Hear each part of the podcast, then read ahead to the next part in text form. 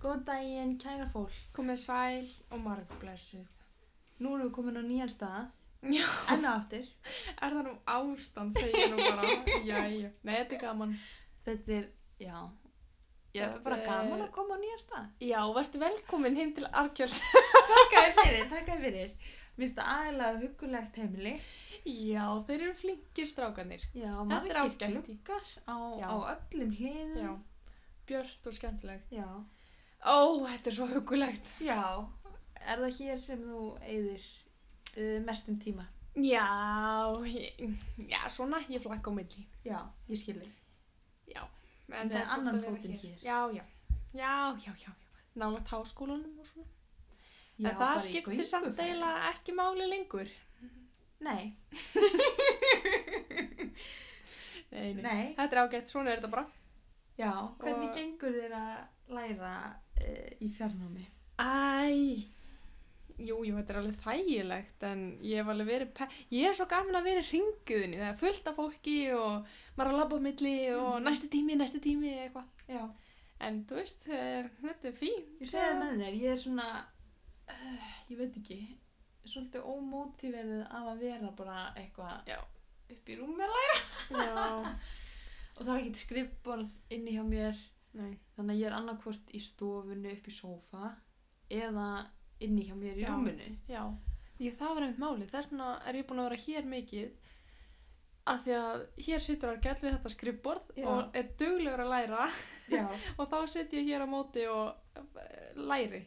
En eins og heima þá var mamma alltaf að bjóða mig kaffi og Ingibjörg mín hefur ekki að spjalla þess hérna gottu frem í stofu og ég bara og ég get ekki sagt nei þannig að ég bara ok, það er glatað Vá, þetta er bara alveg eins uppsetning þá og hjá mér og Þórðu ef ég er heima hjá honum. Þá er hann hérna við skrifborðið sitt já, og ég í rúminu bara Já. alveg eins og þú. Og í gæri var hann til dæmis að hvetja mig áfram oh, af því ég hafði engan metnað. Ég var Nei. bara, ég nefndi ekki að læra. mér líður pinna svo að við séum í fríi Já, akkurat, Eða svona tilfinningin er semi, svona já. eins og maður ætti bara að þetta er ekki Vera- gott stunda jóka og fara snemma í háttin og hugleiða og fara út í gönguferðir og eitthvað og þetta nám er bara að trubla mann já ég allan lærði að prjóna og er búin að prjóna velling mér finnst þetta geggja en hvernig gengur rítgeri mín um. ég læti ekki fleiri orðum það falla nei, um hvað hva er þetta að skrifa sann? Ég, að sjálfsögðu er ég að skrifa um Kristinu mína Já. og maðurstóttur, okkar konu, allir út í búð, nei bannað, allir að finna Kristinu og lesa hana. allir Um, að fara á netið og, og versla Já. Kristínu En já, ég er að skrifa núna um uh, skáldsögun hennar, uh, Elskan mín ég dey, já, sem að koma út 1997 og ég las, ég held ég að mér svo talað um hana áður hér, en hún bara á það skilið og ég las hana einhvern tíman og mér fannst hún bara fyndin og skemmtileg Já. og bara svona djöfull er hún grilluð eitthvað en núna er ég að lesa hana aftur af því ég er að fara að skrifa um að reykja og ég Já. er bara, shit það er 100% kynferðis ofbeldi að, að sko, gagvart dótturinni já af föður sinns hálfu Segðu- segðu okkur aðeins frá bókinni Já, þetta er sem sagt sko, þetta er, um, þetta er fjölskyldu saga. er þetta bókin sem við lásum úr brot í einhverjum tíma og þau voru eitthvað held ég sískinni eitthvað Jú. sem sátu all heima og svo komu einhverju englar og eitthvað Já, einmitt. ok, vá, grilla Að sko, uh, bókin hefst á því að mamman er dáin já, og ein sýstirinn, eða Mm. önnur sýstirinn, það eru tvær stelpunar, Já. eða voru, já, og hún er kallið Ólöf Sáluga. já, og hún var elst, Ólöf, hún er dáin þegar að sagan hefst mm, og svo týnaðu tölunni bara, hvert á Ó. fætur öðru, já og ok, þeir vá, eru þetta kom mér óvart já, og þeir eru fjóri bræðurnir um, svo sko fremur uh, hinsýstrin sálsmórð, hún Já. gengur út í sjó eða hoppa fram að bjargi og deyr og þetta gerist bara á fyrstu bræðsjónum mm. og í framaldi fremur pappin sjálfsmórð Já, þetta er sko, þetta er þvílíkt, en þetta er svo Ég veit grillað. en þetta er einhvern veginn, sorgin er ekki einhvern veginn í fórgrunni, þetta er einhvern veginn Nei. svo þetta er svo grillað og skrítið og þetta er svona líka við samskipti bræðrana og þeir eru svo grillaðir og allir eitthvað svona já, ég hugsaði bara, vá, ég var til ég var að bróðir í stórum sískinópi en sem var ég lesta upp átt fyrir argil og hann bara, þetta er alls ekki eðlilegt að bræður tali svona, sko, ég bara á Viltu lesa fyrir okkur dæmi? herðu, já má ég lesa alveg blá byrjunina Já. og mér finnst hún slátt alltaf tónin í sko það sem koma skal Já. ok uh, fyrsti kaplinn heiti vatn í heiminátturunar greina menn sig frá trjám og blómum sem vaksa og dafna í hljóði og falla í þögn en ef grannt er skoðað er vegur alls sem lifir kannski bara einn þetta er bara örlítið brot já þetta er, Þetta var hún, mjög fallegt. Þetta er svo ljóðrænt einhvern veginn og það hefur nú stundum verið skrifað og sagt um verk Kristínar að þau eru dálítið torskilin sko. Já. fólk botnar ekki alveg í öllu sko. en ég var að lesa greinar á tímarit.is og svona þá var einhver umsögn sem að sagði að þetta e, í þessu verki henni tekist að stemma þetta aðeins svona, hvað segir maður svona dempa aðeins þetta ljóðræna svo að fleiri geti skilið en Já, já. ég veit samt ekki hvort að það sé endilega það sem að hún vill sko en það allavega Nei, en það allavega hafði þessi áhrif uh, Já, á mér- þig kannski já, líka. mér fannst þetta allavega geggjubók og finnst Já. þetta og sem núna er ég bara vá, þetta er svo miklu þyngra efni heldur en ég fattaði fyrst það er bara alls konar og, og elsti bróðurinn, hann er sko hann er áráttu fyrir hreinlæti og er alltaf skítur og er alltaf að- í baði og eitthvað og ég bara, hm, veit hann meira heldur en yngstu bræðinir uh, um sam, eh, hvernig sambandi föðusins og dótturinnar sem að er dáin, Mm. hvernig því var háttað og þess svona, finnst honum eitthvað að vera að eða eitthvað, þetta er eða skallett Áhugavert. Og hvaða uh, pól ert að taka á bókina í reitgerðinni? Já, uh, væri, Eða, væri, eða hvaða ég, pól ert að hugsa um já, að taka? væri ég byrjuð þá, uh, nei ég er að hugsa með þetta, sko, veltaði fyrir mér hvers vegna eh, bara deyja þau öll. Þú veist, er, er svona solid ástæð á bakvið eða er þetta bara einhver saga eða er hægt að finna einhvern veginn rót vandamáluna? Hmm. Og ég ætla allan að ganga út frá því að það sé sko þetta bara kynferðis óbældi gagvart dótturinni Já, hvort að það einhvern veginn smiti út frá sér inn í líf þeirra allra einhvern já. veginn þeirra sem eftir svo standa Ég, já, en áhugavert. já, Ég bara, ég þarf að lesa þessa bók þegar uh, skólinn er búinn algjörlega og sumarið er komið og já, ég held að veri komið sumar um daginn. já, Það var svo góður dagur. bara ekki gerður hinn Nei, já, jú. já, akkurat. Og, ó, og, þa- og ég segja þér eitt Í- rosalegt, þetta er jú. ekkert rosalegt, en ég var uh, frekar pyrruð yfir þessu. Þannig að ég vaknaði bara rúmlega sex. já. Vá, Fór á fætur, ég var- snemma Ég, ég var að fara í vinnuna. já, ok, ég var já, að fara já, í vinnuna, já, ég átti að já. mæta klukkan 8 og ætlaði að taka þannig strætó nummer 15 Mm. og skipta svo yfir í 14 sem að stoppar bara beint fyrir utan og ég mæti í strætóskilið bara kortir yfir kortir yfir 7 og býð og ég býð Ó. og ég býð og engin strætó og klukkan er orðin 26 mínútur yfir 7 og enn engin strætó Shit. og svo sé ég að það kemur keirandi sko að fyrst hann að svona strætur sem er mertur ekki á leið Já. og svo bara beint á eftir honum eiginlega kemur 15 og ég veit ekki alveg hvað var í gangi þar en þú veist, að minnstakosti þá var ég búin að missa af uh, tengingunum við nummer 14 sem ég þurfti að taka uh, þannig að ég arkaði aftur heim til mín og vakti mamma og pappa Ó, nei. En ég var svo spennt að fara í stræt og í góða veðrinu, hlusta á tónlist, sumalegt Já. Það var líka Varstu bara sein? langt sinn ég farið í strætó. Nei, ég mætti mér þess að fyrr. já, Já, guðið sé lof og já. dýr Maður er Það svo sem í ekki dag- lengi að keira þetta. sko. nei, í dag má ekki gera grín að guði Nei. Af hverju ekki? Það fyrstu dagur er langi Ó, maður. Halló. Þess vegna er ég öll dressu í svart. Æ, Ég er hann Ég er svo ótengd við tíman Já. eh, í þessu ástandi að mér líður í fyrsta lagi eins og það sé sunnudagur Já. uh, og í öðru lagi eins og það séu ekki páskar Nei. samt er ég nú búin að borða nóg á páskaeggjum sko. Ó, ertu byrju? já það er alltaf sko ég var í páskabingói bara með fjölskyldunni á miðugudaginn og uh, þar var búið upp á eitt páskaegg nummer 5 Ó. lítil frænka sem vann það deildiði með okkur öllum ofslega sætt og svo var ég í mat hjá Þórði í gær og þar var í desert meðal annars eitt risastórt frá sambó Já. þannig að ég er nú aldeilis búin að guffi í mig páskaækjum Það er ágætt. já, mér leiði samt mjög illa í Já, gærkvöldi það er byrjað sko, þetta er svo, þetta er svona skamtíma ánægja, finnst Já. mér. Ég er meira, sko, Algjörlega. ég vinn í súkulæðinu, meiri til dæmis snakkinu. já, En Þá ég á erfitt með að stoppa við halvan bóka. já, Þá er bara heill komin og það er sko, það er einhver, líkum við bara fróun í því að guffa í sig. En svo eftir að þá bara okkur við, nú þarf ég að drekka lítir af vatni og ég komi e-efni og ég er bara, ég er eiginlega við dauðarstir. já það er svolítið tilfinningin ég var alveg sem ég myndi guppa í gærkvöldi sko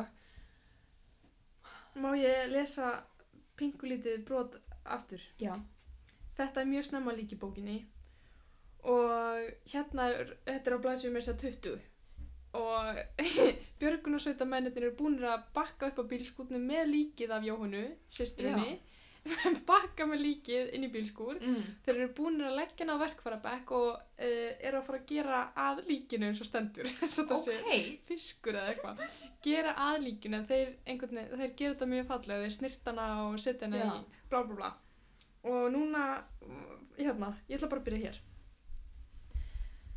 um, Þegar Máni og Þórður komu aftur niður í bílskur Þórður klættur gulen flauilsbuxum og Máni með leðurhanska pappa á höndunum höfðu þeir með fyrir snirtit á djóhunu hreinlætisáald, tannbustan hennar, tannkrem, sápu, sjampó og erðnapinna Karmen rúlirnar hennar mömmu, hárbusta, greiðu, hárblásara, krem, ylvött, föt, þvottaklút og handklæði, allt í gulum bala.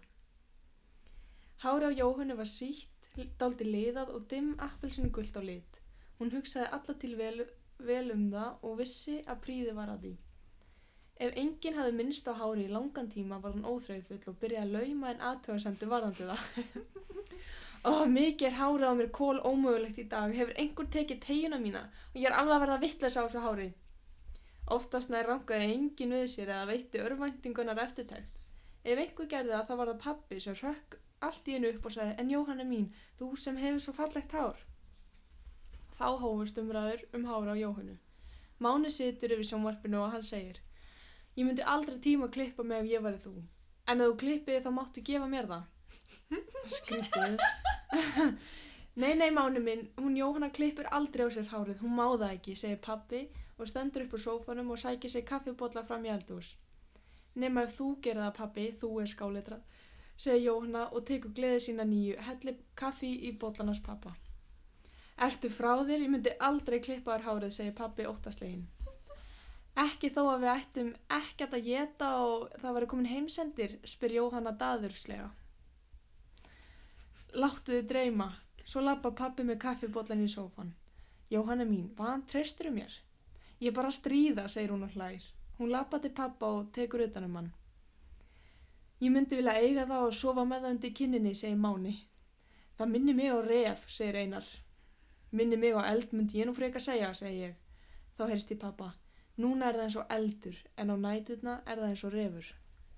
Ég, það er sko heldur betur eitthvað Þetta, undirliggjandi þetta er þarna. skrítið. Þetta er að fyrsta sem að svona gefur eitthvað skrítið í skín. Já, Líka hver svarar pappa sínum daðurslega? já, Er það ekki pínu þetta er skrítið? mjög skrítið. Já, og líka svona, kannski ef það hefur einhvern veginn einangar atvik, þá verður það bara skrítið, en, en svo svona flettist ofan þessu, það sem eftir á, eða svona líður á bókina. Já. Þannig að, fúf, Vá, mér finnst þetta samt geggja brot. já, Fíl þetta.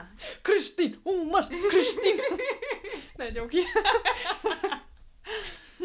En finnst þér ekki áhugavert um, þetta með hárið á konum? Jú, Af hverju, af hverju er það svo mikið gull? Af hverju má maður ekki klippa sig og af hverju er allir að af hverju tala allir um, um það eins og þetta sé eitthvað heilagt Þú veist, ég man bara einmitt þessi umræð, já, ég myndi aldrei, aldrei, aldrei tíma að klippa mér hárið og, og bara eins og þetta sé bara uh, gulls í gildi eins og það vaksi ekki aftur Já. bara, þú veist Ætli, já, þetta- ég veit það ekki maður. Er þetta ekki kannski bara því að, nei, úf, erfitt að safna því og ég veit það ekki. En þetta er náttúrulega graf alvarlegt máli eins og í, e, út í heima sem að vera að, þú veist, ræna hári af konum til að selja það hingað. já, Þú veist, til vestrætna landa og eitthvað. já, ég er nú ekki mikið inn í því máli sko. Nei, en, já, en það er það bara í stúlkur. hárköllur og Já, einmitt. hárlengingar og svona, já Já, ég veit það ekki maður og líka eins og að klippa sér stutt og þá er þetta ekki eins kvenleg og eitthvað svona Já, eins og kvenleikin og allt þetta fylist í hári sem að já og ég var sko, ég var að horfa á indverska mynd með Þórði sem heitir Dangal um systur sem að fara að æfa glímu ekki sjálfviljuðar sko Já. pappin er að neyða þær í það því að hann var einhver glímukappi og, og og við, vildi að þær kemist á olimpíuleikana og innu gull fyrir Indland og eitthvað ok, uh, pressa Já, og þær eru alltaf eitthvað í byrjun myndan að reyna að koma sér undan þessu og þarna uh, segja meðal annars að hárið sé fyrir og þú veist, þess vegna geta þær ekki gert þetta Já, og þá segir pappi nú já, það er nú alveg vandamál og klippir þær nei bara, bara þær komnar með uh, þennan fína drengjakoll bara en þær eru uh, ofsalega leiðar yfir þessu og mamman alveg kolbrjáluð og allir Shit. Mm. ofsalega hissa líka í bænum bara þar sem við búa Ah, og Ó. mér finnst þetta svo hana, mér finnst þetta svo áhugavert bara, þetta er bara hár Já, en alltaf sé ekki alls konar sko, þú veist eitthvað sem tengist hugmyndir og alls konar svona Jú, Þú veist, það er örgulega minna mál til dæmis fyrir mig að snóða mig heldur en kannski annars staðar í heiminum. já, Það sem er algjörlega. miklu meira einhvern veginn samofið hugmyndum um fallegt hár. já, Æ, ég veit það ekki.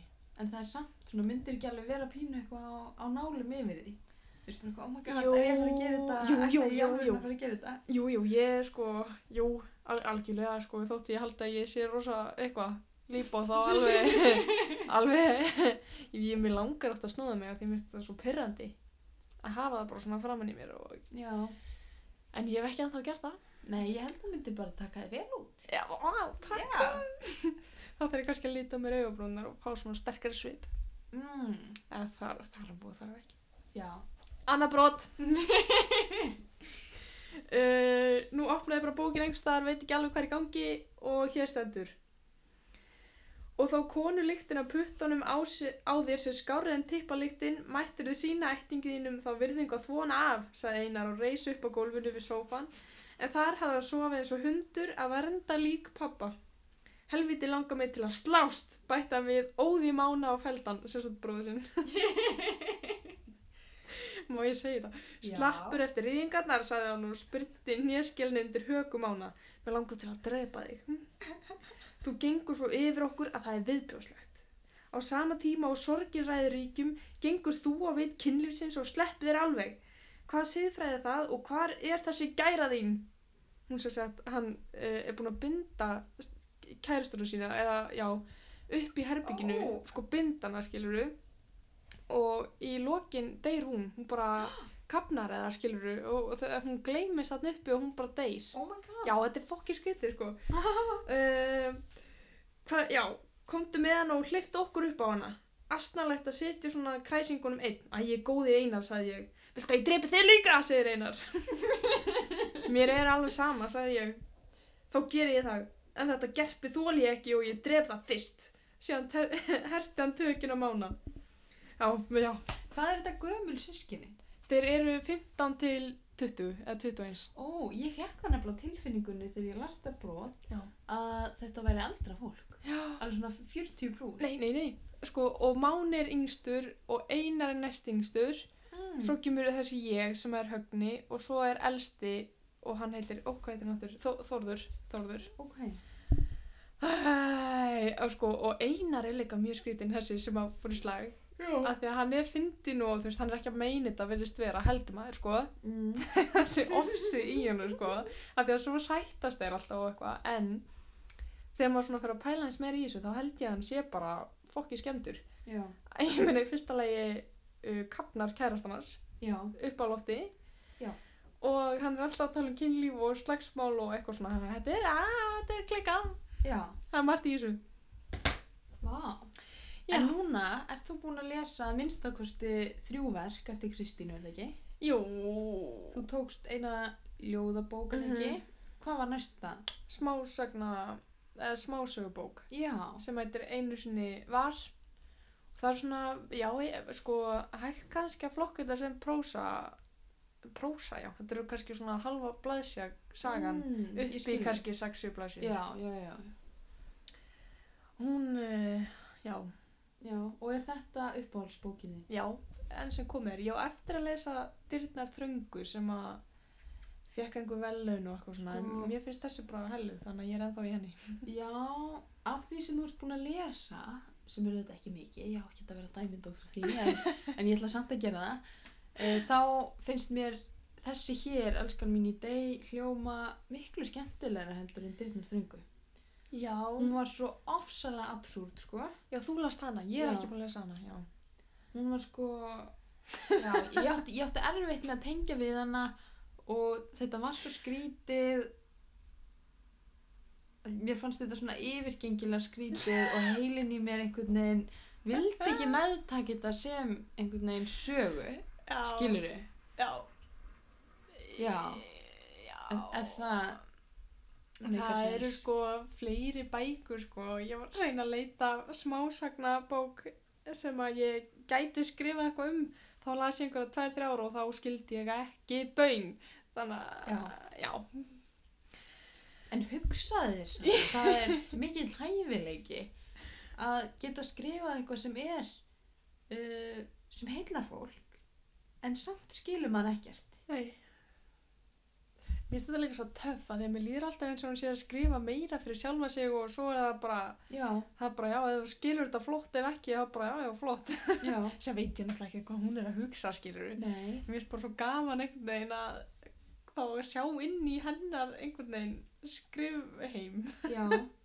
En þú veist, ég held að það sé alveg óhætt að fullir að þetta sé manneskja sem er ekki að skrifa fyrir uh, lesendur. Já, já, öruglega. Þú veist, Já. já. Hún er ekki í formúlu bókmyndum Nei. og... Já. Heldur þú það sé ekki bara ágættur eiginleiki í rithöfundum? Að vera alveg sama, hvort Jú. fólk skilur eða ekki. Jú, en það öruglega samt gæti sko einhvern veginn fallið um sjálft segja þegar þá kannski kaupir enginn verkið þín Já, og þá getur ekkert staðið undir skriftunum fjárhæslega séð. já, það er rétt sko. En ætla að sé ekki langt um fleiri sem eru bara að skrifa fyrir sjálfan sig og vil ekki einu svona byrta eða að aðri sjá. Öruglega. Ég held að það sé fullt af fólki sem hefur gaman að því. Hvað heldur að séu mörg skúfuskáld á Íslandi? Já, svona 97.000. Ég hugsa að það sé rétt í þær. Já, já, já. Tæpur þriðjungur. Þannig hvað ætlum við aftur að tala um í þessum? Kristínu? Já, var það bara Kristín? Já, er það ekki bara. Ég ætla að núna. Kristín Ómars taka tvö, sko. Að því að við tókum nú þennan fyrsta þátt um hana og hann var ansið stuttur og... Já, að, mér finnst það falleg frumraun. Já, já, já, já, algjörlega, en hún á skilið annan. Já, ég er sammálað því með aðeins betra hljóði og Já, svo kemur einhver þegar við erum aftur komnar í grófina. Þá kemur Kristín Ómars Take 3.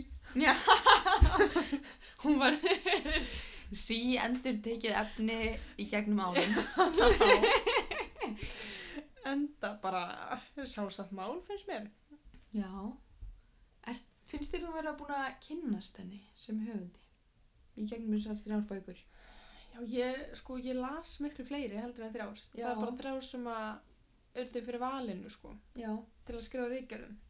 Þannig að, ég- já, en ég kannski er ekki búin að kafa mig djúft ofan í margar, sko. En, jú, ég ætli sér ekki búin að lesa mest eftir hana, svona miðan við aðra höfunda. Mm, já, já, svona já. mest, mestan partinn af höfundaverkinu. Já, Held ég. það er nokkuð vel gert. Takk. Já.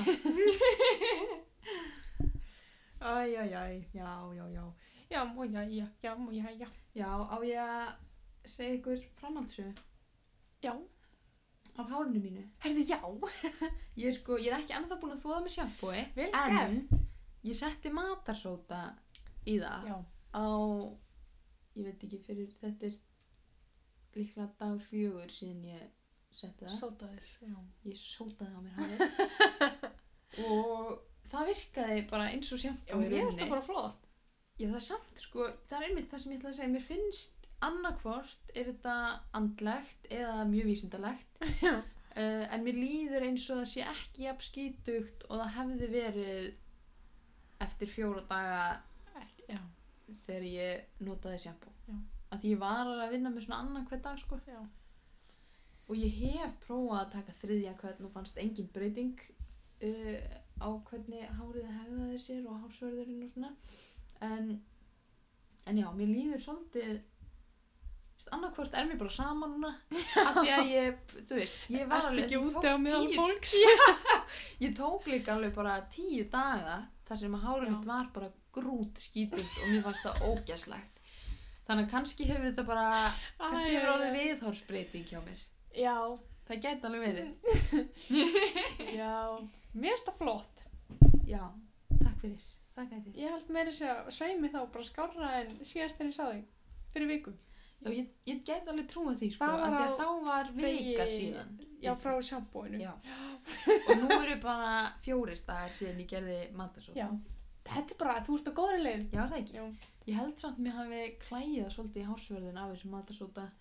Já. Um, þannig að kannski prófa Alltaf ég ertandi. Já, ég held það. Ég setti samt eplaðið á eftir eins og, eins og var sagt að maður ætti að gera Já. til að jafna þetta út. En það hefur ekki uh, skilað sínu. Nei, já. Eða kannski skilað sínu og mér hefði klæjað ennþá meira. En já, ég, ég mæli með ef að þeir eru svona vísinda fólk sem eru að hlusta. Ég mæli með því að prófa þetta. Já, skrá niður alla breytingar, Já, reikna út pH-gildi já, og, og skrifa svo um þetta ljóð. Já, af því sko mér líður mér líður alveg pínu eins og ég hafi sigrast á einhverju í þetta. Það er líka bara flott. Já, Er það ekki bara eitthvað sem að við þurfum ég held það. í þessu ástandi? Já. Nei, ég djók, ég nenni ekki að tala um ástandið. Nei, við skulum tala um eitthvað annað. Já. Hérna, mamma og pappi mín, mín, mann, foreldrar mínir, Já, þau eru fætt í kringum eh, 1950 já, og þau taka förstudeginum langadalti alvarlega. já er það. Já, ég kom heim núna í morgun, eða morgun háttið spilið og var eitthvað að gera svona Jésu grín sem að maður á þetta ekki að gera. en hvað þá, fyrstu deginum langa, Já. þetta fjall ekki í kramið og ég bara, oh my god, sorry, nei, ég meina, ups, ups, fyrir ekki við þig, ég var ekki að mynda. og svo var ég rekin inn og þetta var í svartan kjól. en ég fekk að fara í svarta blússu. Uh, Þetta er ofsalega fín blúsa líka. Já, þakka þér fyrir alltaf svona, já, en mér fannst það pínu fyndi og svo voru þeir pínu að djóka því að, já, en ég veit að foreldrar pappa Já. sem að voru fætt í kringum 1920, Mm. það, þetta var ekkert grín þar sko, þar á Nei. bæ, það er bara, sa- áttu sískinaflokkurinn bara að sitja, Já. uh, já, mér minnir að mátti ekki spila á spil og Nei, það var einmitt. kveikt á útvarpinu og þar voru auðvitað lesni passisálmanir og eitthvað Já. og jú þau fór út uh, til að gefa og svona og svo bara sastu í þögn þetta var bara þú ætti bara að upplifa þjáningu Kristus og byrja verðingu fyrir henni Vá. sem alveg er skiljanlegt Mm. bara ekki að gera Já. grín af þessu í dag Nei, ég veit ekki alveg hann að ég, ég er ósamála. já, Ég held maður með ekki að grína. skemmtilegt spicy Ég er ekki mjög trúið, eða svona ég, er, ég ætla ekki að segja að ég sé ekki mjög trúið svona almennt séð, en ég trú ekki beinlega sem neitt ákveðið heldur. já, Þú veist, mér líður eins og það sé eitthvað, en ég bara veit ekki hvað það er, það getur verið hvað sem er, það getur verið allt, já, en ég er ekki þarna ekki mjög kristin Nei, svona Í mér. biblíu, biblíu stelpa. nei mér langaði einu sinni mikið að vera það Já, fórst í vindáslíð. nei, Já. ég var aldrei vindáslið nema kannski fermingafræðslun ég veit ekki hvort við fórum og gistum eina nótt eða eitthvað Vá, já. eða varmahlíða, ég man ekki alveg Nei, við fórum allavega í eitthvað svona gistuferð já. og ég man bara sko eftir þessari tilfinningu ég var lítil og ég átti svona lítið A4 plaggat með faðirvorna og það hjekk upp á vegg og, og ég man einhvern veginn sérstaklega eftir því þegar afi dó Já. þá var ég mikið eitthvað svona að reyna að byggja til Guðs og en ég fann samt aldrei þessa tilfinningu eins og eflaust margir gera ég einhvern veginn, þó að mér langaði Já, þá gekk það ekki alveg upp það var eitthvað svona sem, sem var ekki að smetla hjá mér já. Þetta er nefnilega, svo eru margir sem að finna trúna setna já, á æfinni já, og æ, já, mér finnst bara mjög flott ef að fólk trúir á eitthvað og það veiti í hugar á. já, algjörlega ég held sko svona mitt álit á trúarbröðum er að þetta þjóni fyrst og fremst þeim tilgangi að, að svona kjarna fólk einhvern veginn Já. Já. alveg bara eins og, eins og hugleðsla eða, eða fara út í náttúruna eða, eða eitthvað á þeim nótum sko. Það er líka- auðvitað er til öfga Já, öfgatrú sem að kannski leiðir fólk í gunnur og eitthvað en svona í grunninn þá held ég að þetta snúist fyrst og fremst, fremst um þetta að, að vera svolítið kjarnar Já, og hafa ekki um mikla áhyggjur heldur og er ekki líka með þetta sko að það að geta látið einhvern veginn stjórnina í hendur einhvers annars jú, Eh, Einmitt. þú veist, einhvers annars máttar mátts, máttar Guðs mátt sinns. láta, Eða svona skilur að- akkurat að þú felur Guði já, e, bara taumana já, einhvern veginn og þú bara svona ef, þetta er að, mér stað mjög góð leið til að sættast við hluti get ég mynda mér já ef eitthvað gerist að segja þú veist ok, þetta gerist út af ástæðu og Guð ætlaði þessu, eða Guð eða hve- hvað sann það er, hver einhver er það já, aðri þú máttur veist, þessu er ætlað að verða svona já, af því að ég stjórnur sig ekki og einhver annar er búin að plana þetta allt já, ég trúi því svolítið Já. að hlutinir gerist eins og þeir eigi að gerast maður sér það ekkit endilega strax þú veist, ef maður er nýhættur með einhverjum og lýr umurlega auðvitað er erfitt að hugsa þetta átt að gerast já, en ég trúi því samt að á endanum munum maður sjá já, þetta gerðist svo ég gæti lært þetta annars er maður líka svo valdalus já, þú veist, maður er bara eitthvað pingu lítið sandkort bara á einhverju hjút strönd og maður er ekki neitt þannig að það er Já. svo gott að við að trúa því að allt einhvern veginn eigi að gerast heldur ég að þarna kvíði og þunglindi og svona sé aukast af því að trúin er að minka E, kannski, ég held e, bara e, sprettur innan með mér, já, e, null e, fræða bak við þetta, já, já, já að ég held að þetta sé pínu að því að við gerum ekki neitt.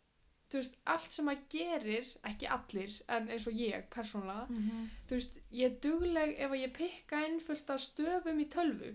já, Þú veist, ég sit og pikka inn, uh, skrifa kannski fullt af blaðsíðum, skila því og fæ í gegnum tölvuskjáin uh, flott, hér er einhvern. já, En í rauninni er ég ekki að gera neitt. En ég, nei kannski að við höfum svo mikið tíma til að líða illa.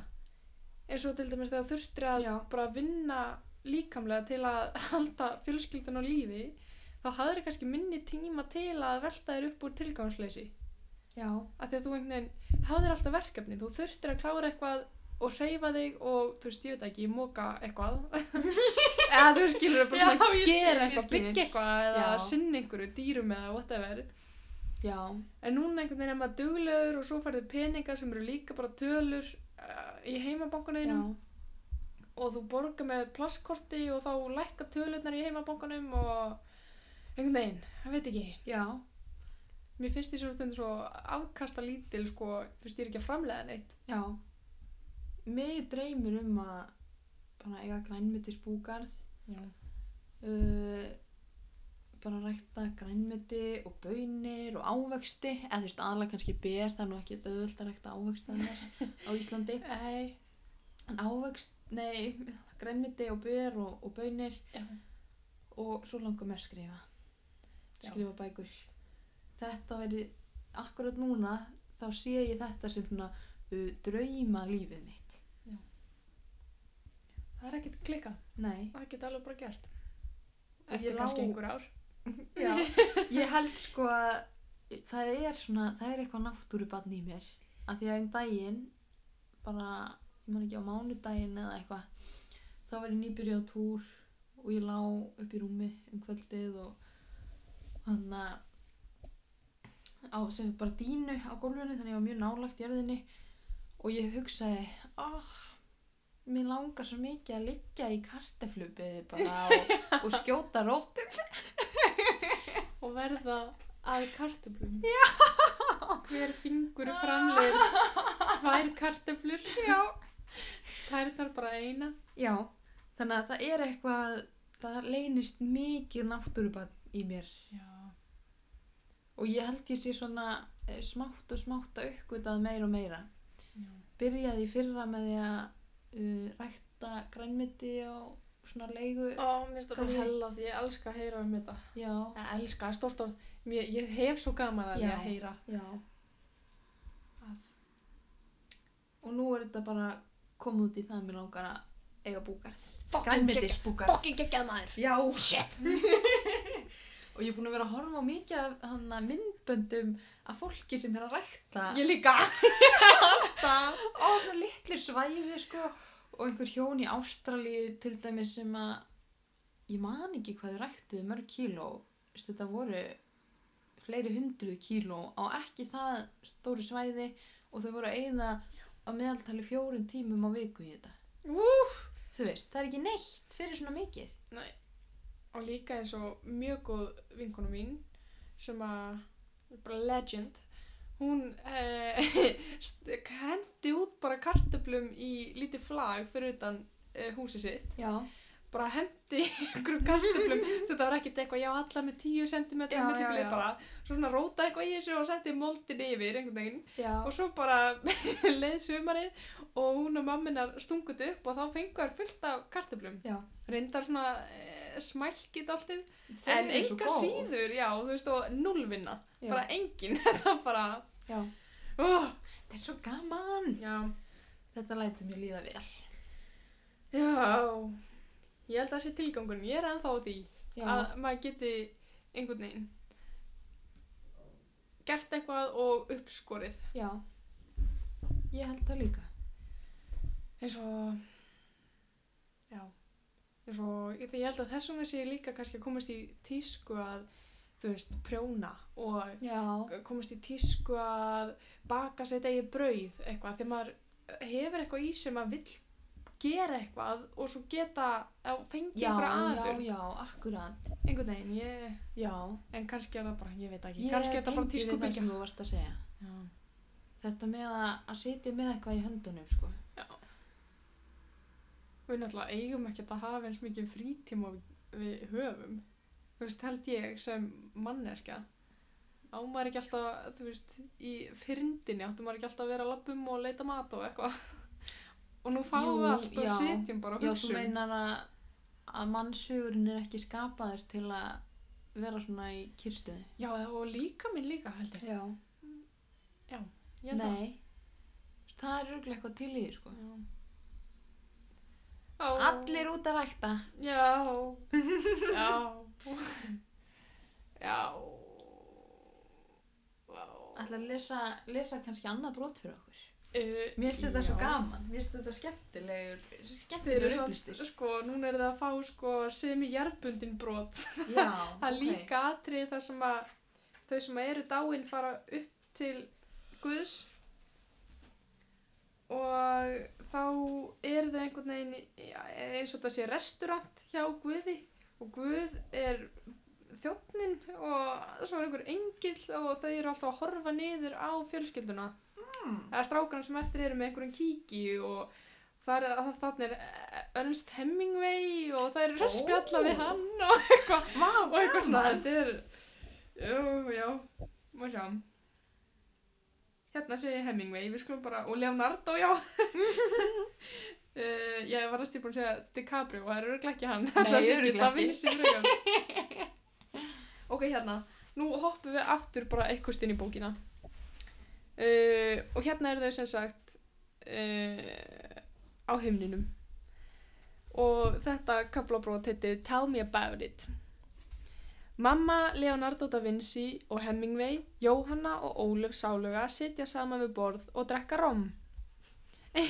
Leonardo segir við mömmu, þú hefur undurfallega rödd. Mamma segir, niðri á jörðu passa mennirnir að litirnir í málverkum þínum verða ekki fyrir skemmtum en um rödd mína hyrðir enginn, hvorki hér nýja þar. Er þetta feminísk ádela? Vá. Uh, má sjá, já.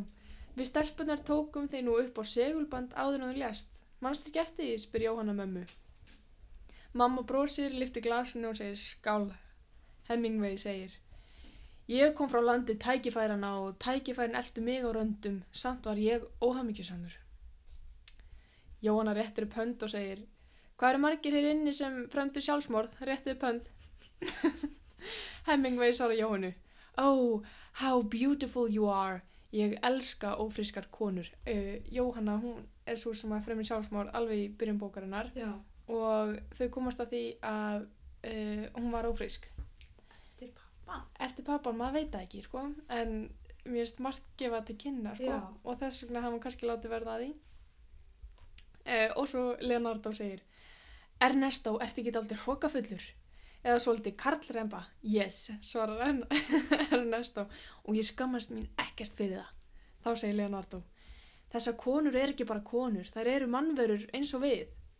Svo snýr Leonardo sér að mömmu. Fyrir gæða að ég skildi sína dónaskap frú mín góð með þessu ábyrðarleisa skjalli. Þú hefur fengið mig til þess að hugsa upp og nýtt, segir hann. Allt í lagi, þau eru búin að drekka alltaf mikið á það, segir mamma og orð franska heimspekingsins Descartes fljúast, nei, fljúa á örskoð svæða í gegnum hugunar. Cogito ergo sum. Ég veit ekki hvað þeir. Svo ræskir hún sig. Um það byrj 60 manns heyrði rödd mína á meðan ég lifði. Ég átti drauma sem rættust aldrei. Nú þreyji ég þorran í himnaríki og reyna að gæta þess að börn mín hafi það gott. Sérstaklega er mér umhugað um són minn högna. Hann er ekki búinn að skrá sig í skóla næstkomandi haust. Hann hefur nýlokið skildin á mig. Þessi strákar í dag, segir Hemingway og hristir höfuðið. Þó, þó voru við líka strákar í það, þá daga og ég var ómögulegur á heimili.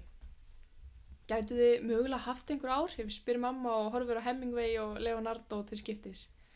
Aldrei að vita, segir Leonardo. Hvaða land er það aftur sem við að þið komið frá, segir Hemingway. Æsland, svarar Ólaf sálega stolt yfir ennsku kunnáttu sinni, en það komið lengra á ennskunámskeiðinu í himnaríki en Jóhanna. og svo framvegis og svo framvegis. Mér finnst þetta dásamlegt. Já, þetta er skemmtilega, sko. Ég las eitthvað rítum og þá stóð eitthvað svona, já, og eitthvað sögur svo við tvískipt, annars vegar bla bla bla og hittir upp á hi- himni og svo inn í sviga uh, uppróflumerki svona til að gefa þetta kynna þetta sem er skrítið og eitthvað. En það er nú bara til flækingar og eitthvað bla bla bla. Mér finnst það skemmtilegt. Já, ég bara er að heillast eins og þú. Já. Veistu, ég er eitthvað rosalega meðvituð um allt sem ég er að láta út úr mér. Núna. Já, ég held að sé að því að uh, ég var að hugsa um þetta starf, þannig að málfarsráðgjafi á rúf. Já. Það er að hafa áhrif á heilan í mér. Þá fyrst fer maður að segja vittleysu. Já, Ég held að um leið og ég veit til það. dæmis að það var í kringlunni og fréttamaður að, já, kæmi upp að þér og spurði þér spurninga þá svona, uh, jú, jú uh, ætli það ekki Já, það ekki, mér finnst svona eins og ég sé á högti, sko. já Ég er eh, feimin Já, eitthvað í mér líka. já, nei, þetta er flott, við erum Já. flottar ungar, frambarilegar og Já, flottar já, já, já, já, heldur betur. hérna, hérna ég held að um, ég hef verið sagt þetta með þess að áður hér um leið og fólk, og sérstaklega núna er ég með unga krakka í huga Mm -hmm. um leið og fólk vera hrætt við að tala tungumál, til dæmis e, íslensku já, þá er e, þetta búið þá er Já. út um tungumálið þess Já. vegna trúi ég ekki á að eldra fólk eigi að vera stanslöst að leiðrétta og setja út á mm, talanda annara já, af því að þá þú er enginn að opna munnin af því að þú segir alltaf eitthvað vittlaust já, þá held ég að þetta sé bara búið og getur alveg eins bara að tekið upp sænsku eða eitthvað já. Mér finnst þetta svo áhugavert samt með tungumálið af því að, sko, ég man alveg eftir að hafa verið leiðrétt. Já. Það voru svona ákveðni hlutir sem ég uh, sagði alltaf vitlaust. En það var nú uh, barið úr mér, ekki bókstaflega, en og, og mér finnst ég í dag hafa mjög góða máltilfinningu. Mhm. á svona innan gæsanlappa réttri íslensku já, um, en ég veldi líka fyrir mér hvort það sé að því að ég les mikið já, en ekki endilega að því að fólk var að leiðrétta mig að því að maður sér krakka sem er endalust verið að leiðrétta já en það bara gerir ekkert hjá Nei, en sko pælt í því ef að uh, fóreldra þínir hefðu verið bara a- aðrir já, og uh, þeirra, hvað segir maður, svona, já, bara íslenska hafi ekki verið samkant sko uppskriftabók réttritunar stefnunar já, sem sagt eh, innan gæsalappa vittlaus já, innan feitra gæsala, gæsalappa þá hefði þínar málfyrirmyndir verið allt aðrar Já. og þá kannski, þú veist þannig að eins og maður hafi ekkert um þetta að segja ef að þú elst upp við öðruvísi nei, málfyrirmyndir nei þannig að kannski maður líka bara heppin og þú bara erf, erfir það einhvern veginn að fá góða fyrirmyndir og þá verður máltilfinningin réttari já það getur verið, veistu, það er eitt mjög áhugavert ekki raunverulegt dæmi en ég er að lesa Ílsku eftir Eirík Örn Já. og þar er önnur af aðalpersonum uh, litáísk stelpa Já. sem að býr á Íslandi og er held ég alin upp eða allavega frá því hún var mjög ung um, pappennar nær aldrei almennlegum tökum á tungumálinu og talar vittlaust, þú veist Bjaga það svolítið bjagaða íslensku en mamman ekki Já, og hún sem sagt fyrir að tala uh, bjagaða íslensku við pappan en rétta við mömmuna já, þú veist, ég veit ekki hvort það sé einhver dæmi fyrir þessu en mér finnst þetta samt áhugaverð uh, pæling Já, en ég meina, kannast þú ekki við þetta að maður er að tala við til dæmis fólk sem er að læra íslensku þá ósarrátt einhvern veginn Jú. innfalda maður málið Jú, ekkert eitthvað, þú veist, maður talar ekki eins og sért að tala við batn, en þú kannski Mhm. notar ekki já ég, ég allavega ger þetta, ég tala svona aðeins hægar og uh, skýrar einhvern veginn já, og svona er ekki að flækja með óþarfa einhverju flúri og drasli já, kannski að maður hætta þessu kannski Ah. Ég sko, hann að man alltaf eftir því að ég, þegar ég var að vinna á bókasamnu þá var einhvern tíman verið að taka bók úr léttlestrar kassanum og rökin fyrir því voru að það voru uh, of mörg svona einhver gamaldags orð eh, Já. flókin eða, eða eitthvað svo les en textin var samt, þú veist, þetta var ekki mikill texti það voru margar myndir og ég hugsaði þú veist, hvernig á maður að læra ef maður les það ekki já, Þú veist, já. maður verður að fá þetta og maður verður að fá að spurja hvað þýðir þetta, hvað þýðir þetta Mhm. annars er maður ekki að fara að stækka orðafjöldan sinn Nei, á- mér finnst fárálegt að einfalda mál eins og segi, vá, ég er nýbúin að segja, ég ger þetta shit, ok, úps, en ok, ég er bara, ég er ein mótsögn, já, mér finnst fárálegt að skrifa barnabækur, úlingabækur á barnamáli, mér finnst Já. að þú eigi bara að tala og skrifa, að, já, einmitt eins og þú segir, annars lærir ekki neitt nýtt já og hvenar áttu þá svo að læra allt í hennu flókin orð, bara þegar þú Einmitt. ert orðin fullorinn það er nefnilega þá er þetta stökk. ekkert eðlilegt fyrir þér að sjá orð og alls konar nei, akkurat segðu Ertu ekki, tekur ekki þátt í lestar átækinu? má ég það? Ég veit það ekki, já já ég var einmitt að segja við Þóruðsson í gríni hvort þetta maður að vera með en ég held þetta væri bara fyrir krakka Ó, kannski er þetta af því að þetta var Gunnar Helgason og hann er alltaf að skrifa Já. barnabækur og eitthvað Já. en það væri rosa gaman að fá að vera með þess að við Heyrðu. þurfum að aðtjóða málið Á ég að segja þér já, Það var einhver sem að sett á Facebook hérna, heitir þetta ekki, jú, samhljómur.is Mm. held ég, ég ætla að tjekka. Já. Þetta er sem sagt uh, síða sem að er að safna svona gögnum, Já. upptökum og upplestri á setningum til svo sem að svo á að vera opinn gag gagnagrunnur og þetta svo opinn já, allir með að sækja, sækja í hann uh, og nota ef þú þarft að gera eitthvað svona, hvað heitir þetta uh, mál, talgerla ger, ekki gerla, talgervill Já. Hvað er það? Gerfla Nei, tal, gerfla, gerfla Prófaði að fletta því upp á... Bím, já Hvernig, Mér finnst bæði mjög aðsnalega. hvernig er gerfill í, Já, gerfill. í flertölu? Eða kannski er ekki til þannig að gerfill, kannski verður að skrifa talgerfill.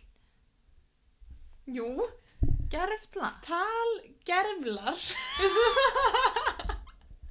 Ok. Já, Jæja. en þetta er sko mista geggja og ég hvet alla sem er að hlusta að fara ná sam sam hljó, má sjá Nei Prófaði að skrifa punktur í þess. Já, ég hvet ekki fólk til að fara inn á samhjóður.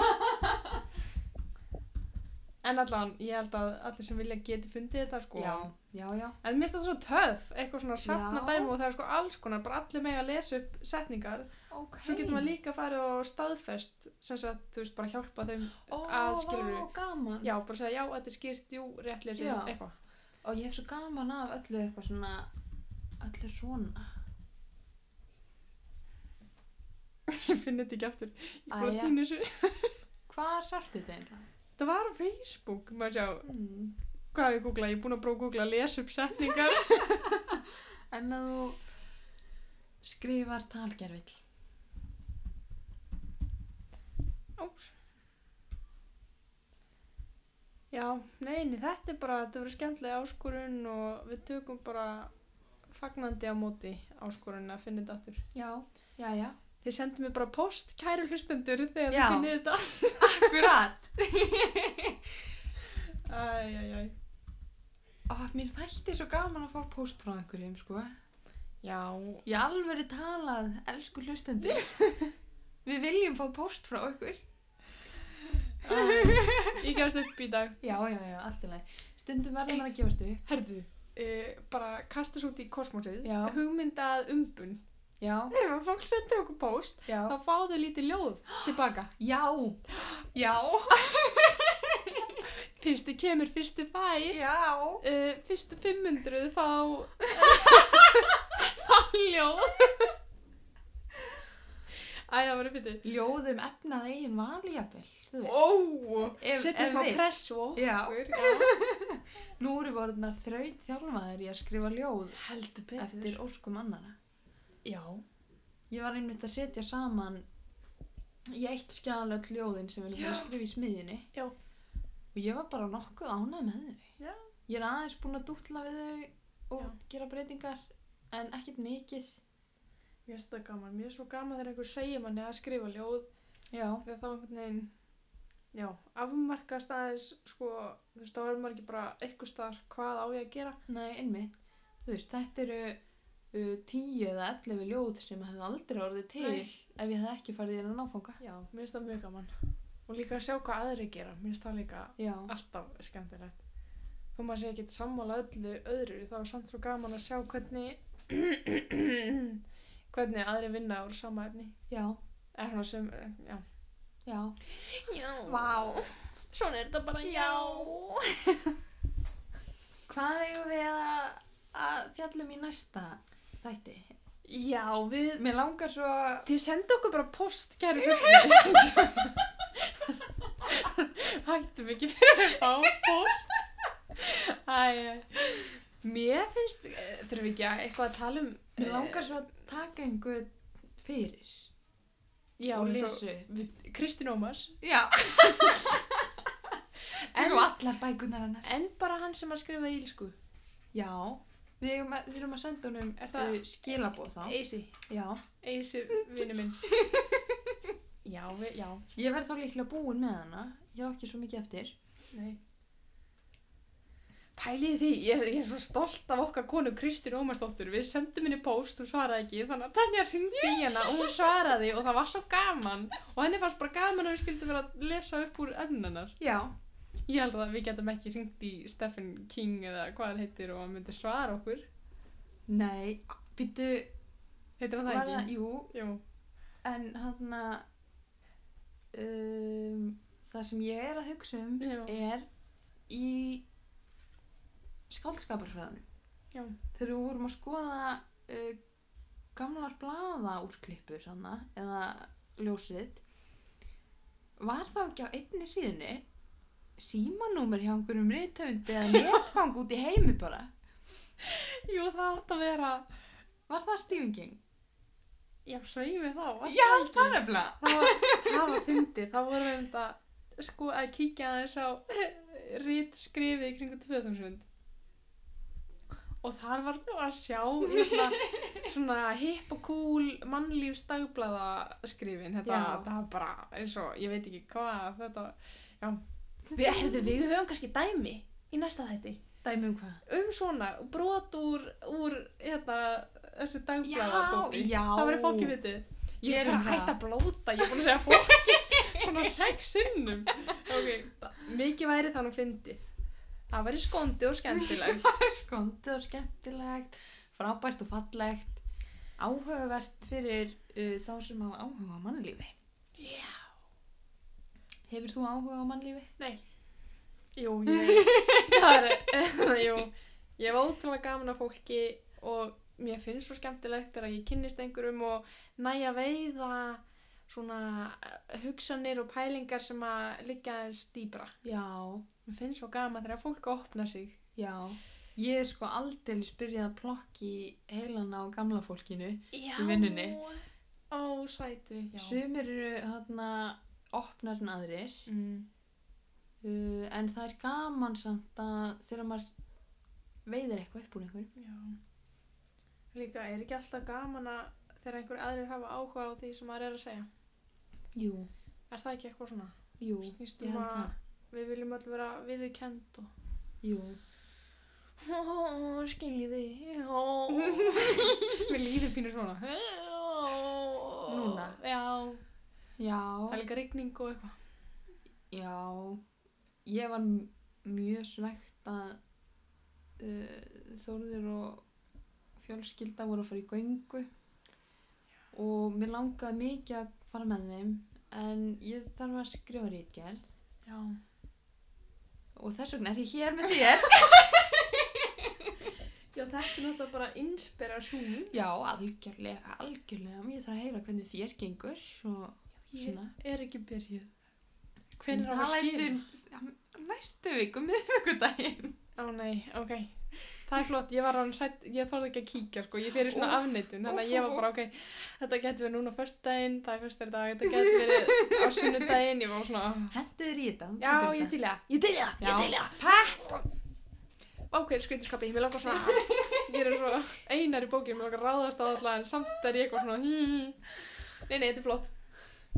Þetta er flott. Þetta er flott, það er sér lokið í dag. Ó, ok, Eða, nei, þú veist, við þurfum ekkert, við Jú, getum alltaf þetta er fram að búið. viljum. þetta er búið. Og Þannig bara að það er, það er komið að þér. Hver eru spagmæli? spangmæli. Á ég að reyna að finna spakmæli hjá Kristínu í bókinni. Þú voru að þú voru að segja eitthvað skemmtilegt um Þannig þetta. að, Hérna, já, mér langar bara að hvetja alla til að fara út í náttúruna, uh, verða svolítið blöytir í fæturna og koma ískaldir inn, fara í heitt bað. Ég held að það sé heilræði þessara daga, páskadaga. Ég held að láti öllum líða vel að gera þetta. Hérna, Já. tengjast náttúrunni aðeins sterkari böndum. Velta sér upp úr dögginni, Dýfa sér í moldina, klifra í trjánum, rúla niður fjallslýð. kasta steinum, kasta steinum í bíla. Kasta steinum í, í tjarni. Brennarunna, Og Þetta voru þín óhægt að hýða fólk með greinum, Nei, ok, djók, ég er hægt, vá, skuði. Ég er bara djók.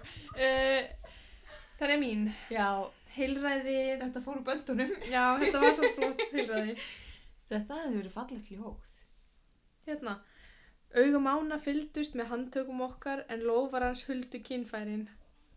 Við, við, við, við virtum óskir hans og snýrum okkur undan þegar kom að þvottinum á, þvottinum á þeim og gáfum, gáfum, gáfum honum þess í stað nokkur hóll ráð.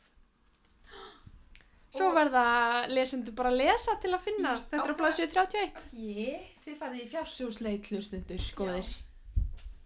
Er það blessi bíli? Bless.